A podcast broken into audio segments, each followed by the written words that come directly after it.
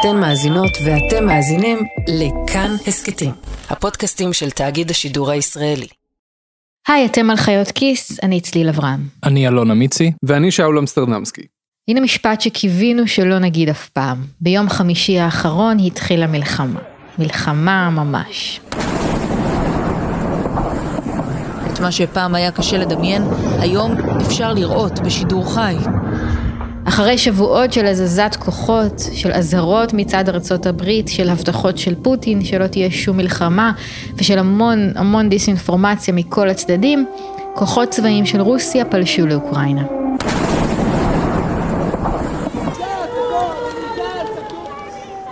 מלחמות מהסוג הזה לא קורות בכל יום, והן גם לא קורות פתאום.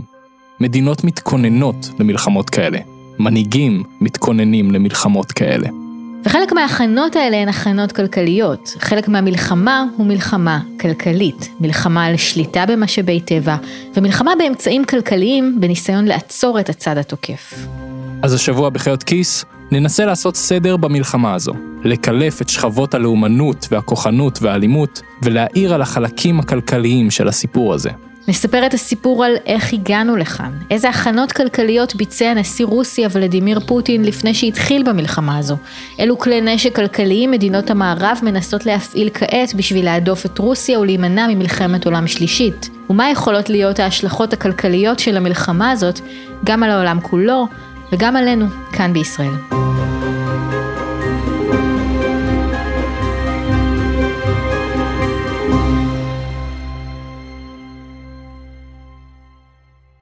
כמו כל סיפור, גם כדי לספר את הסיפור הזה צריך לחזור אחורה. לא נחזור ל-1917 וגם לא למאה ה-19, אבל אתם מוזמנים לקפוץ איתי לרגע למאה ה-20 לשנת 1991 להתפרקות ברית המועצות. ובמסע הזה ינחה אותנו דוקטור תומר פדלון. תומר פדלון, אה, דוקטור למדע המדינה ויחסים בינלאומיים באוניברסיטת תל אביב ועמית מחקר במכון למחקרי ביטחון לאומי, ה-NSS. אחרי התפרקות ברית המועצות, המדינות שהיו חלק ממנה, כמו אסטוניה, לטביה וליטא וגם אוקראינה, חתכו מהר מאוד מערבה. שנות התשעים העליזות, ישב בקרמלין בוריס ילצין, בעצם אנחנו מדברים פה על נשיא שהסכים עם רוב הדברים שבבית הלבן קבעו, אה, ולא הייתה לו בעיה עם המדינות החדשות האלו שהוקמו, הייתה הרבה אופטימיות באוויר, בטח באוקראינה. זה הזמן לשים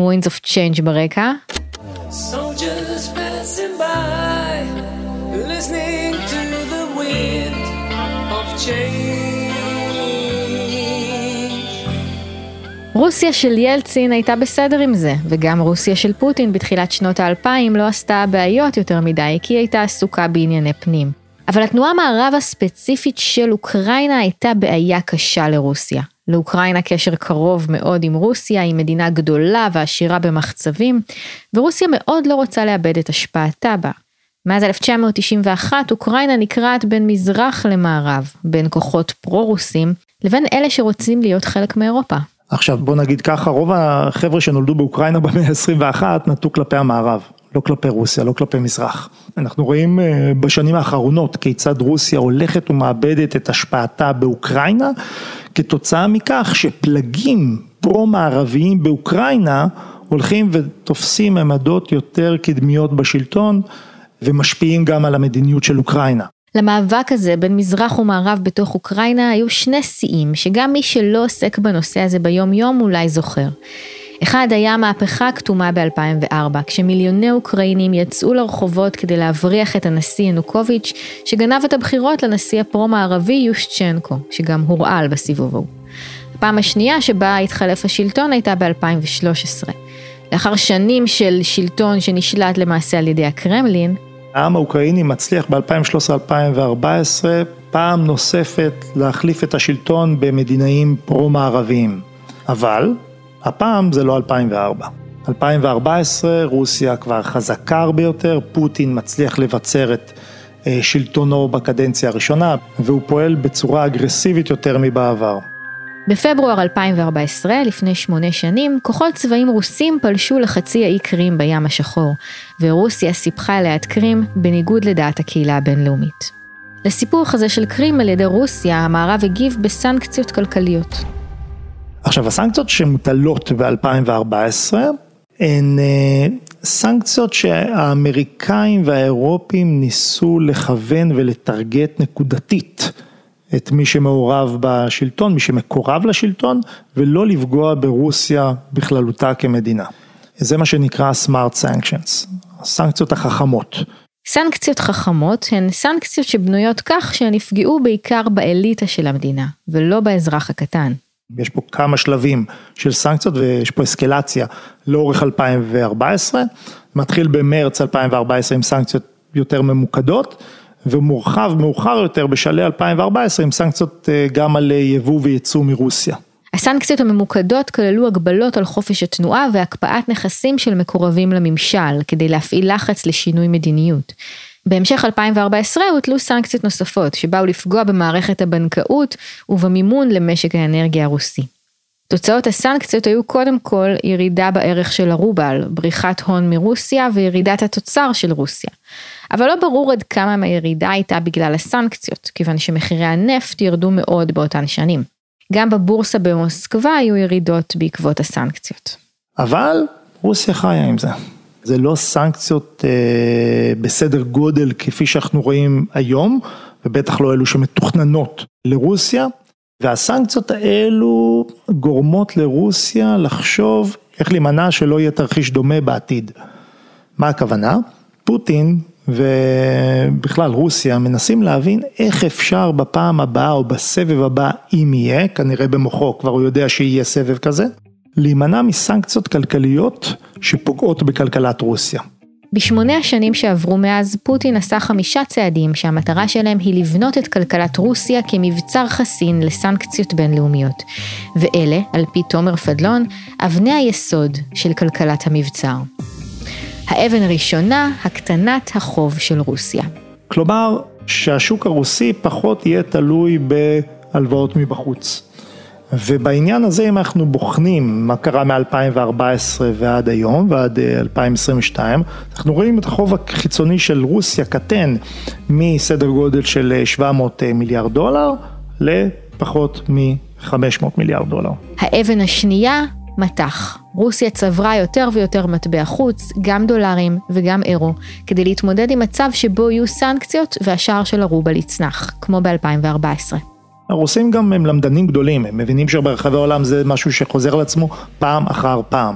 כאשר מטילים סנקציות, יש פיחות במטבע, מטבע מאבד מהשווי שלו.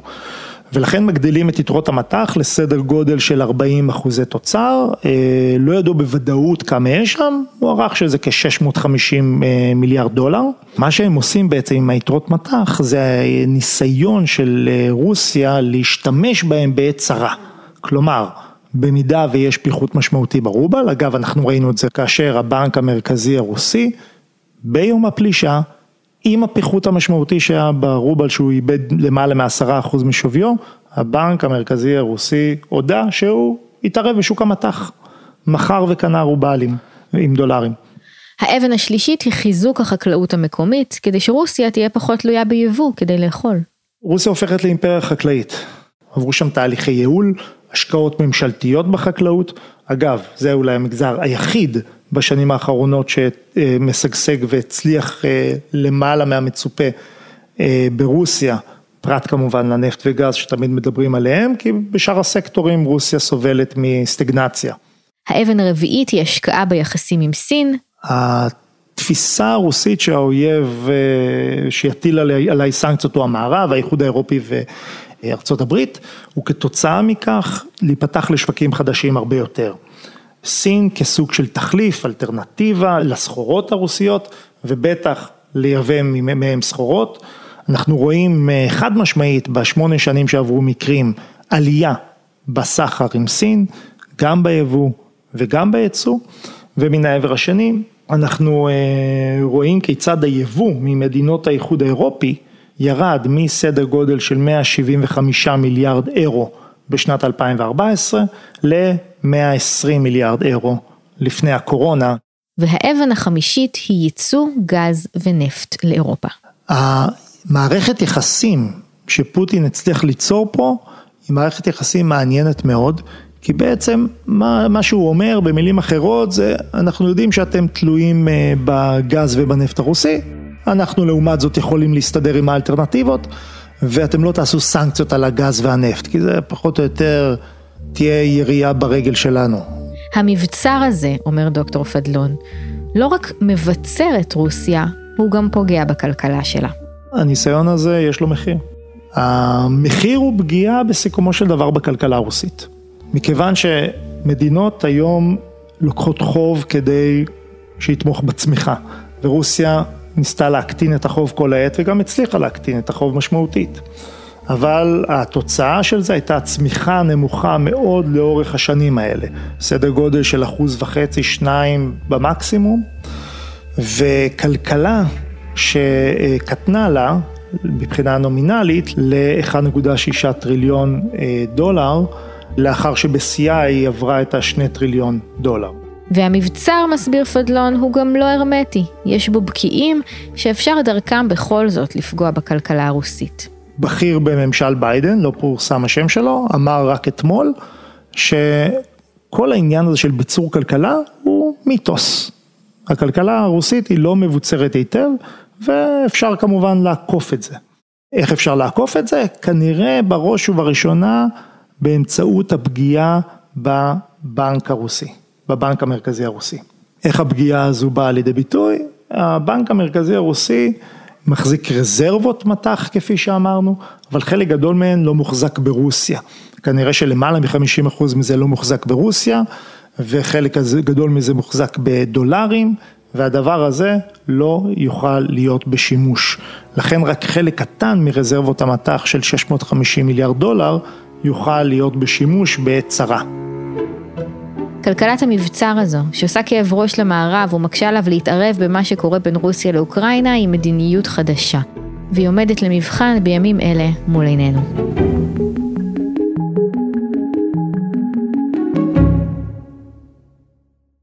אז הנשיא הרוסי פוטין למד את הלקח מ-2014 והתכונן בהתאם. והתוכניות היו במקום, כי אחרי הפלישה לאוקראינה ביום חמישי האחרון, מדינות המערב התחילו להטיל סנקציות על רוסיה. זה לקח להן טיפה זמן להתניע, אבל כשזה קרה, זה קרה. So I'm going to begin to impose sanctions in response far beyond the steps we and our allies and partners implemented in 2014. אז מה קורה כשמדינות העולם מטילות סנקציות על מדינה שהחליטה לצאת למלחמה ולכן התכוננה מראש לסנקציות האלה? זה עדיין כואב לה. זה פוגע בכל מגזרי הכלכלה, פוגע במגזרים טכנולוגיים, בתשתיות, בתעשייה. זה אייל השקס. אה, זה בעצם פוגע ביכולת של רוסיה לקיים סחר עם העולם, זה חלק משמעותי מהכלכלה. זה בעצם פוגע מאוד משמעותית בתוצר, שקשה לכמת עכשיו. אייל הוא יועץ אסטרטגי והוא כתב ספר בשם גשרי הכלכלה, על איך הקשרים הכלכליים יכולים לבנות גשרים טובים יותר בין ישראל לשכנות שלה. בינתיים, עד שיהיה שלום במזרח התיכון, אנחנו מדברים על רוסיה. מניח שזה יגיע למספר גבוה של אחוזים אה, בתמ"ג, בהכנסות של אה, האזרחים הרוסים, אה, ויוביל גם לאינפלציה, זה יפגע ברווחת החיים, זה ישחוק את השכר של האזרח. אז אייל אשקס מבחין בין הטווח הבינוני ארוך, שבו הסנקציות ישפיעו לרעה על הכלכלה הרוסית כמעט בטוח, וגם על האזרחים הרוסים, לבין הטווח הקצר שבו הן כנראה לא יצליחו לעצור את המלחמה כל כך מהר, בין היתר בגלל ההכנות של פוטין. אבל שנייה לפני ההכנות האלה, בואו נפרק שנייה את חבילת הסנקציות שמדינות המערב הטילו על רוסיה. בשבוע שמאז הפלישה, האמריקאים והאירופאים ואף מדינות נוספות כמו יפן אה, השיקו בצעד מתואם סנקציות שעולות בהדרגה. קודם כל המגזר הפיננסי ברוסיה, כדי לקיים אה, קשרים כלכליים בינלאומיים, צריך לעשות את זה דרך בנקים שמחוברים למערכת הפיננסית הבינלאומית, והאמריקאים והאירופאים החליטו לבלום חלק מאוד משמעותי ממגזר הבנקאות הרוסית. אה, וזה מאוד יקשה על רוסיה לקיים אה, עסקאות סחר בינה לבין מדינות המערב. מגזר שני זה הטכנולוגיה, בעצם גם אירופה וגם ארה"ב באו והשיתו מגבלות על ייצוא מוצרים טכנולוגיים כגון מעבדים, מחשבים, לייזרים לרוסיה, מה שמאוד יגביל את היכולת של רוסיה לקיים תעשיות טכנולוגיות ועוד יותר ישפיע אה, לרעה על הצמיחה הרוסית. רגע, זה לא נגמר פה. חוץ מזה, מדינות המערב הטילו סנקציות אישיות על פוטין עצמו ועל הרבה מאוד בכירים בצמרת השלטונית ברוסיה, מה שאנחנו קוראים לו בשם הקוד הקיבוצי אוליגרכים. הסנקציות האישיות האלה אומרות שלאנשים האלה, בעלי הון רוסים מהאליטה הרוסית, אמור להיות קשה, תאורטית, להשתמש בכסף שלהם ובכל מיני נכסים שלהם שנמצאים בחו"ל, כי עכשיו השם שלהם מושחר ברשימה שחורה. רק שבפועל הסנקציות האישיות האלה הן בעיקר סמליות. מי שאמורים לאכוף אותן הן הבנקים עצמם, והבנקים לא תמיד יודעים של מי הכסף. זה לא שפוטין מתקשר לסניף הבנק שלו בניו יורק או בציריך ואומר, היי hey, חבר'ה, זה ולדימיר, תעבירו לי בבקשה 500 מיליון דולר לחשבון שלי במוסקבה, יש לי פשוט מלחמה לממן. האנשים האלה משתמשים בהרבה מאוד אנשי קש, וחברות קש, וחברות צד ג', ומאוד מאוד קשה לעקוב אחרי הכסף ולהבין שהוא הכסף שלהם. אבל רגע, יש עוד סנקציות. חוץ מזה, האמריקאים והאירופאים שוב השיתו סנקציות על היכולת הרוסית ושל חברות רוסיות לקבל אשראי בשוק הפתוח. עוד פעם, מגביל את היכולת של המגזרים של החברות האלה אה, לצמוח ולקיים אה, כלכלה מתפקדת. בסך הכל, חבילת סנקציות מאוד משמעותית, שמה שהיא לא כוללת זה סנקציות על ייצוא גז ונפט רוסי. אה, שזה באמת נשק יום הדין. ברגע שהם יגיעו לשם, ההשפעה על כלכלת רוסיה תהיה עוד יותר קטסטרופלית. אוקיי, זה ממש הרבה סנקציות וזו רק ההתחלה. והאמת היא שכבר בטווח הקצר זה מטלטל את הכלכלה הרוסית, בעיקר את הציבור הרוסי. עכשיו זה מתבטא אה, בכל מיני מדדים כמו הבורסה אה, הרוסית של מוסקבה שירדה במעל 30 אחוזים. זה מוחק, אמנם על הנייר, אבל זה מוחק הון של רבים מעשירי רוסיה ואזרחי רוסיה. והיציבות הפיננסית ברוסיה כבר מתחילה להתערער. הבורסה קרסה ב-30% ביום אחד, ולאחר מכן הממשלה החליטה פשוט לא לפתוח את הבורסה מחדש לכמה ימים, בשביל שמשקיעים לא יוציאו את הכסף שלהם מהמדינה. ברגע שיש בעיות בכלכלה הרוסית, משקיעים בורחים מרוסיה בגדול. זה מאוד מחליש את המערכת הפיננסית הרוסית, בדגש על ערך הרובל. או במילים אחרות, ברגע שמתחילה מלחמה, כל מי שיש לו עיניים בראש מבין שעוד שנייה העולם ייפול על פוטין, ולכן כל המשקיעים שיכולים מיד מוציאים את כל הכסף שלהם מרוסיה. וכשהם עושים את זה, הם בעצם מוכרים רובלים וקונים בחזרה דולרים, או יורו, או מה שזה לא יהיה. וכשיש פתאום הרבה יותר רובלים במשק הרוסי, הערך שלהם נשחק, ושער החליפין יורד דרמטית. עכשיו, מדינות שיש להם הרבה יתרות מטח, יכולים בעצם ללכת לשוק הפתוח, לרכוש רובל, זה יוצר ביקוש לרובל, מה שאחר כך יוצר עלייה בערך הרובל, זאת אומרת לחץ שמנוגד ללחץ השלילי על הערך. זאת אומרת באמצעות שימוש ברזרבות אפשר לשמור על ערך המטבע. או במילים אחרות, מה שהשקס אומר כאן, זה שפוטין יכול להשתמש ברזרבות, ברזרבות מטבע החוץ האדירות שהוא צבר מאז 2014, אלה שצליל תיארה קודם, בשביל למתן את הפגיעה במטבע המקומי, ברובל. אם המשקיעים הזרים זורקים רובלים וקונים בחזרה דולרים, פוטין יכול לעשות את ההפך, לקחת את הדולרים שהוא צבר, למכור אותם, ולקנות תמורתם רובלים, וככה לחזק בחזרה את המטבע. ולכן, מדינות המערב מנסות להגביל גם את היכולת הזו של פוטין. בתחילת השבוע הן הודיעו שיטילו סנקציות ישירות על הבנק המרכזי של רוסיה, זה שמחזיק בכל יתרות מטבע החוץ האלה, וינסו למנוע ממנו להשתמש ברזרבות האלה בשביל לחזק את הרובל. ברגע שאין את כרית הביטחון הזאת, לפוטין יש הרבה פחות יכולת לשמור על היציבות הפיננסית של המדינה שלו. אין עוד בנק מרכזי בעולם בקנה המידה של רוסיה שהוטלו עליו סנקציות כאלה. והאמת היא שזה כבר עובד. שער החליפין של הרובל נפל כל כך הרבה, עד שהבנק המרכזי של רוסיה הכפיל את שיעור הריבית ברוסיה ביום אחד, מ-9.5% ל-20%. זאת בניסיון לגרום לרוסים לשים את הכסף שלהם בפיקדון בבנק ולשמור על הרובלים במדינה. זה לא כל כך עובד. בימים האחרונים ראינו תמונות של אין ספור רוסים עומדים בתורים ארוכים מאוד לכספומטים של הבנקים, מנסים לחלץ את הכסף שלהם לפני שהבנקים יקרסו. וזה בדיוק מה שמדינות המערב רצו להשיג בסנקציות האלה. הן לא רצו להשיג פגיעה ארוכת טווח בכלכלה, הן רצו שהציבור הרוסי ירגיש את זה ויפעיל לחץ על פוטין מלמטה להפסיק את המלחמה. הסנקציות האלה הן כלי נשק כלכלי לכל דבר. פוטין רצה להשתמש ביתרות המטח שלו בשביל לקנות רובלים, אבל הסנקציות על הבנק המרכזי די חנקו לו את האופציה הזו. אז במקום זה, הממשלה הרוסית הטילה מגבלות על הציבור. הקרמלין הוציא צו שאוסר על כל תושבי רוסיה להעביר כסף לחו"ל, ללוות מטבע חוץ ולהפקיד מטבע חוץ בחשבונות בנק בחו"ל. בנוסף, יצואנים רוסים מחויבים להמיר 80% מהרווחים שלהם במטבע חוץ לרובלים. וכאן אנחנו מגיעים לנקודה הכי מעניינת בעיניי. פוטין לא טיפש, הוא יודע שכל ההכנות שהוא עשה יעזרו לו להחזיק מעמד בטווח הקצר. וזה כנראה מה שהוא רצה, מלחמה מהירה, כיבוש מהיר, ויכולת להתמודד עם הסנקציות בטווח הקצר, ואחרי זה כבר נראה. ומה שאפשר לו להמר על הטווח הקצר, היא הידיעה שאירופה תלויה מאוד בגז שלו, בגז הרוסי, ולא תמהר להטיל עליו סנקציות חריפות במיוחד, כאלה שישתקו לחלוטין את הכלכלה הרוסית. פוטין יצליח לתרגם את הכוח הכלכלי שלו גם לכוח מדיני, 40% מיבוא הגז לאירופה מגיע מרוסיה, ואת היתרון הכלכלי הזה הוא מצליח למנף, על אף שהכלכלה הרוסית, אם מסתכלים רק על הנתונים היבשים, על התמ"ג שלה, מאוד נמוכה ביחס למה שהיינו מצפים ממעצמה. התמ"ג הרוסי אפשר להשוות אותו לאיטליה או לדרום קוריאה, לא מדינות שאנחנו מעבירים מעצמות גלובליות. אבל את מה שכן יש לה, פוטין מצליח למנף לכדי השפעה ממשית בעולם. וזו אני חושב השורה התחתונה של הסיפור הזה. גם בזמן שהרוסים נכנסים בכוח לאוקראינה, מפגיזים את הערים הגדולות, מנסים להפיל את השלטון בכוח צבאי, וגם בזמן שמדינות המערב מגנות את הפעולות האלה ומטילות סנקציות דרמטיות על רוסיה, הן עושות את זה מאוד בזהירות, בפינצטה, ולא נוגעות בכלל במסחר באנרגיה ובפרט בגז. גם בזמן שהמדינות שולחות סיוע הומניטרי וצבאי לאוקראינה ומסייעות לה להתמודד מול האיום של פוטין, גם בזמן הזה הגז הרוסי ממשיך לזרום בצינורות ולחמם את הבתים בבריטניה, בגרמניה וביתר מדינות אירופה שתלויות מאוד בגז הרוסי, בטח בחורף. ככה זה, גם במלחמה, הרבה פעמים הכסף יותר סמיך מהדם.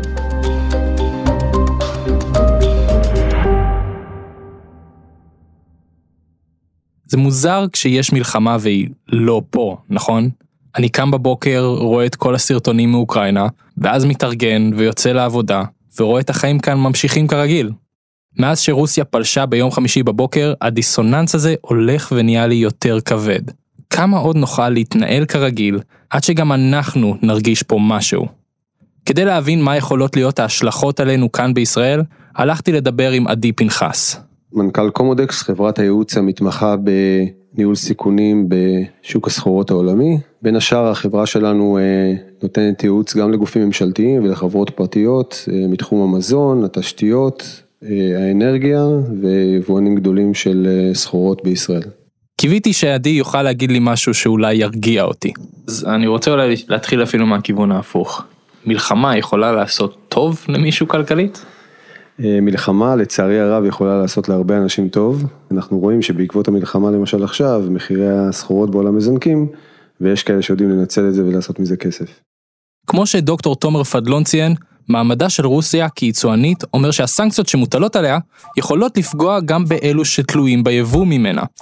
אבל לפחות מבחינת גז טבעי, ישראל היא לא אירופה. אז קודם כל, ישראל מגיעה למשבר הזה בין רוסיה לאוקראינה עם אה, חלופת אנרגיה טובה מאוד שזה הגז, שהוא נמצא כרגע, הגז הישראלי, במחיר אה, הכי זול בעולם כמעט. אה, ולכן דווקא מהבחינה הזאת ישראל והמפעלים שלה שמשתמשים בגז הזה, מסודרים. אבל שלא תטעו, הדלק הוא סיפור אחר, שם כבר יש מה לדאוג. ההבדל הבולט בין מחירי הגז הטבעי בישראל שהיום הם מהנמוכים בעולם לבין אה, מחירי הדלק שאנחנו משלמים בתחנות בין המחירים הגבוהים בעולם אפשר להגיד, זה שבנושא הדלק אה, יש את הסיפור של אה, זיקוק הנפט, הדלק נקבע על פי ממוצע מחירי הנפט בבורסה לסחורות בחמישה ימים האחרונים של החודש. מחירי הנפט בבורסה כמובן מושפעים גם מאירועים גיאופוליטיים, גם מהיבטים של היצע וביקוש ועם פתיחת המתקפה של הרוסים אה, על אוקראינה, בעצם מחירי הנפט למשל זינקו לשיא של שבע שנים, ואנחנו מרגישים את זה מיידית בתחנות. אבל רוסיה היא לא הברז היחידי שאנחנו צריכים להיות מודאגים לגביו. גם לאוקראינה יש ייצוא משמעותי וחיוני. אז ככה, אה, אוקראינה היא כלכלה הרבה יותר קטנה מרוסיה. אה, אם הייצוא הרוסי הוא קצת יותר מ-400 מיליארד דולר בשנה, אז האוקראינים מייצאים בערך משהו כמו 50 מיליארד האוקראינים מייצאים בעיקר אה, תבואות, זה הענף העיקרי, חיטה ותירס בעיקר. אז כן, לא הרבה אנשים יודעים, אה, תירס למשל, סחורה השלישית בסחירותה בעולם אחרי הנפט והקפה, אה, משמש בעצם בסיס לתערובות מזון לבעלי חיים. כשאני אומר את זה, אז המשמעות היא כשהתערובת לבעלי חיים מתייקרת, כתוצאה מזה מתייקר מחיר הבשר, שזה הדבר הכי מובהק, ויש לזה משמעות כמובן על כל ביצים, חלב, דגים, קמח, למעשה כל שרשרת המזון בבסיסה מתחילה מהתבואות. אוקראינה מספקת את רוב התבואה, החיטה, התירס, הדגנים, של מדינות באפריקה ובמזרח התיכון. וכן, המזרח התיכון זה אומר גם ישראל. אוקראינה היא הספק העיקרי שלנו. היבואנים הישראלים נערכו מבעוד מועד לאור העובדה שהצפי שמחירי התבואות יעלו ללא קשר אה, למלחמה בין, בין רוסיה לאוקראינה, אז היה להם אה, תקופה של להיערך עם מלאים, אבל המלאים האלה גם נגמרים, הם נגמרים איפשהו לקראת פסח, ואחר כך מחירי החידוש עלולים להיות הרבה הרבה יותר יקרים. הצרכן הישראלי שכבר מתמודד עם עליות מחירים בעצם בשנה האחרונה, כתוצאה מבעיות בשרשרת אספקה שבאו ביום שאחרי הקורונה, התמודד ככל הנראה עם המשבר הזה יימשך עם מחירים גבוהים אפילו בהרבה, אני חושב שה-20 אגורות עלייה במחיר הפסטה יהיה משהו מאוד מאוד שולי, כשאנחנו מדברים על עליית מחירי תבואות שמשמשים בעצם את כל שרשרת המזון. כמו עם שרשרת האספקה, למלחמה הזאת יש פוטנציאל להחריף בעיות שהתמודדנו איתן עוד לפני שרוסיה פלשה לאוקראינה. אחת מהן היא אינפלציה.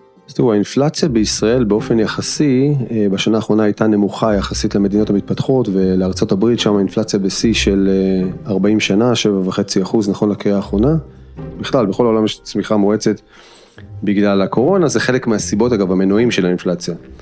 אנשים שיצאו מסגר והתחילו לרכוש אה, מוצרים במקום שירותים, ואז אתה קונה מוצרים אז צריך לייצר אותם ולייצר אותם בחומרי גלם ועם כל הבעיות של שרשרת אספקה, הכל יתייקר למעשה. אה, אני מעריך צמיחה יחד עם אינפלציה שבנק ישראל, בדומה לבנקים בעולם, יצטרך להילחם בה על ידי העלאת ריבית. על אף שזה אולי לא יעשה טוב לחרדות שלי, הייתי צריך לשאול את עדי מה התרחיש הקיצוני שיכול לקרות כתוצאה מהמלחמה הזאת. התרחיש הקיצוני ביותר שאני יכול לחשוב עליו בתקופה הזו זה בעצם עצירה מוחלטת של אה, הייצוא מרוסיה ואוקראינה. במצב הזה הנמלים יהיו סגורים, וישראל, אירופה אה, ולקוחות מרכזיים של רוסיה ואוקראינה יצטרכו למצוא חלופות יקרות ורחוקות יותר, זאת אומרת מבחינת גם זמן שינוע, אה, עלות השינוע וכדומה תייקר את המוצרים באופן משמעותי. אבל לא רציתי לסיים עם טעם מר בפה, אז ניסיתי להוציא מעדי גם תרחיש חיובי. ב-1973 העולם חווה משבר אנרגיה גדול, וגם הוא נגרם בגלל סכסוך מקומי, אז זה היה במזרח התיכון. בעקבות מלחמת יום כיפור, המדינות המפיקות נפט במזרח התיכון הטילו חרם על מדינות המערב שתמכו בישראל. כתוצאה מחירי הנפט זינקו. בטווח הקצר המערב ספג פגיעה קשה.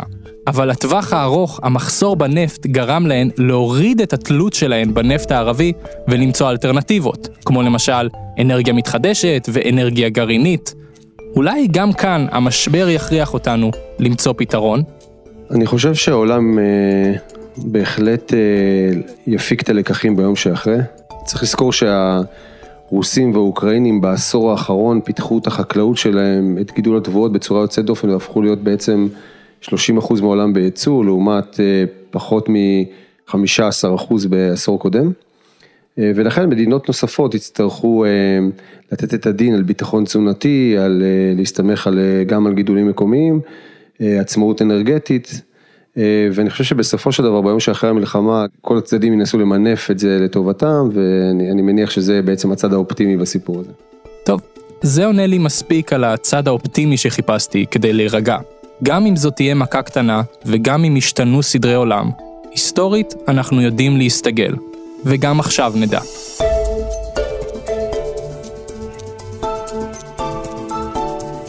אתם האזנתם לחיות כיס, ההסכת הכלכלי של כאן. העורכת שלנו היא נועה בן הגיא, עורך הסאונד הוא אסף רפפורט.